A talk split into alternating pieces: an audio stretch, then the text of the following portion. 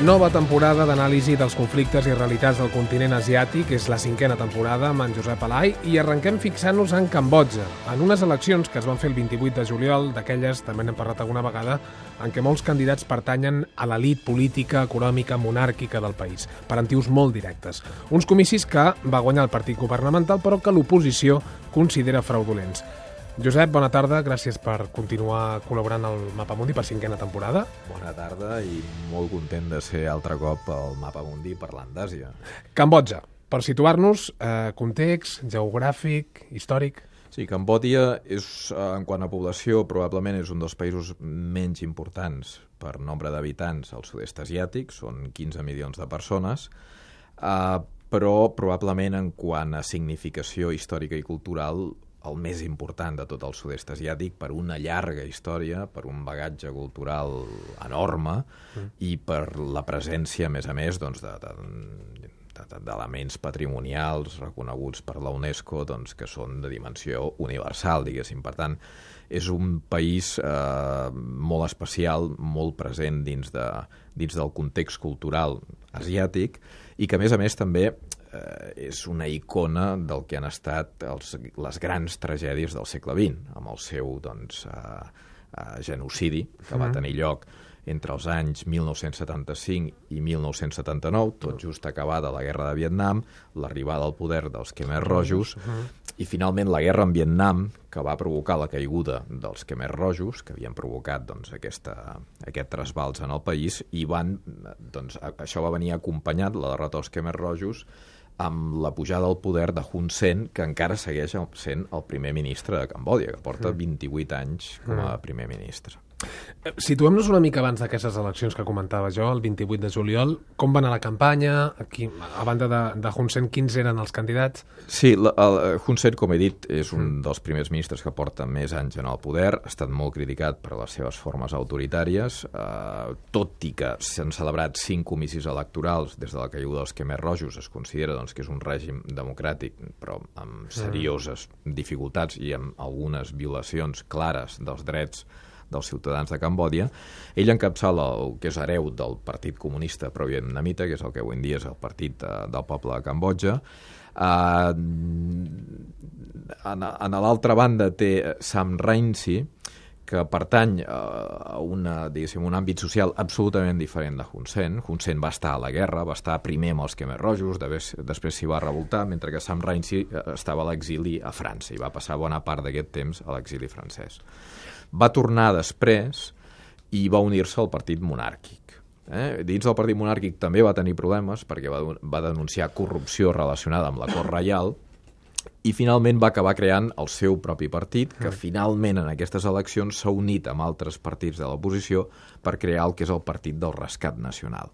Un partit que ha tingut molts problemes per presentar-se a aquestes eleccions. De fet, el Sam Rainsy va, va haver de tornar a l'exili i no va poder afegir-se a la campanya electoral fins 10 dies abans de les eleccions, no es va poder presentar com a candidat i, per tant, ja tenim una campanya amb tots els ingredients per una possible denúncia doncs, de, de frau electoral. D'entrada, el, que, el que deia al principi, les eleccions les guanya el partit al poder, però el que deies, no? Mm, resultats polèmics. Resultats polèmics, és a dir, el partit en el poder, el de Hun Sen, tenia 90 escons mm. en la passada legislatura. De 90 passa a 68, per tant hi ha una clara eh, baixada d'escons, però manté la majoria absoluta. L'oposició, tota junta, abans d'unir-se, tenia 29 escons a la passada legislatura, puja fins a 55. Mm. És a dir, Ajustat. hi ha un canvi, eh? Mm és ajustat, però aquest ajustat provoca que Sam Rainsy eh, denunciï frau electoral, denunciï que hi ha un milió de vots que no s'han comptat i que, per tant, si s'haguessin comptat aquest milió de vots, en realitat el resultat no era ajustat, sinó que era l'oposició la que havia guanyat les eleccions. Clar, això és certament difícil no, de demostrar i llavors arriba un punt en què ell demana la intervenció d'una comissió internacional per decidir si hi ha hagut o no hi ha hagut frau.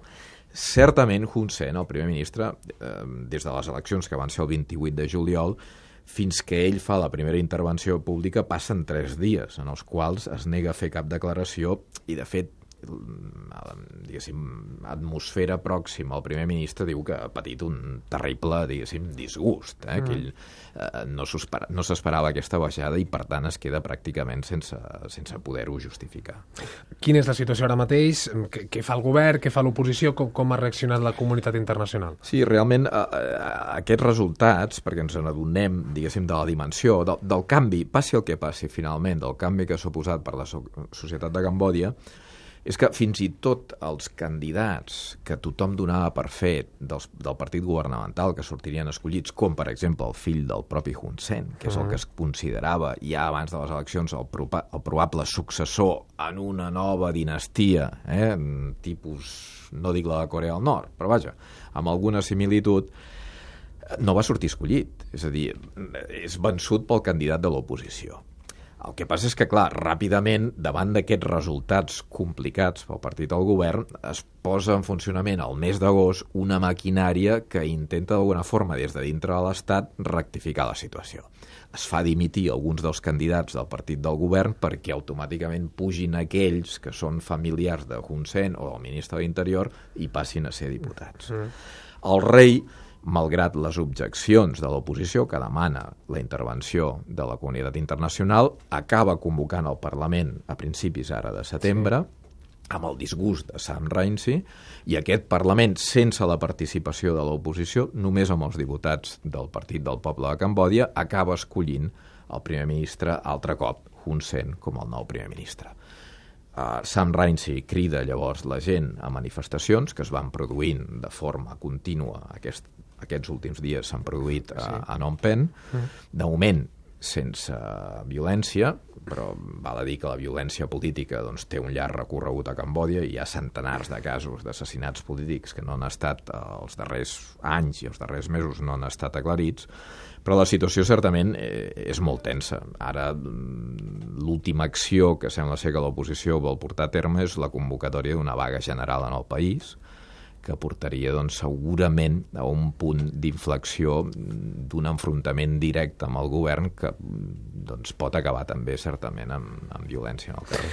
Cambodja, primera parada d'aquesta nova temporada d'anàlisi d'Àsia que ens porta per cinquè any en Josep Alai. Josep, moltes gràcies. Bona tarda. Gràcies a vosaltres i bona tarda.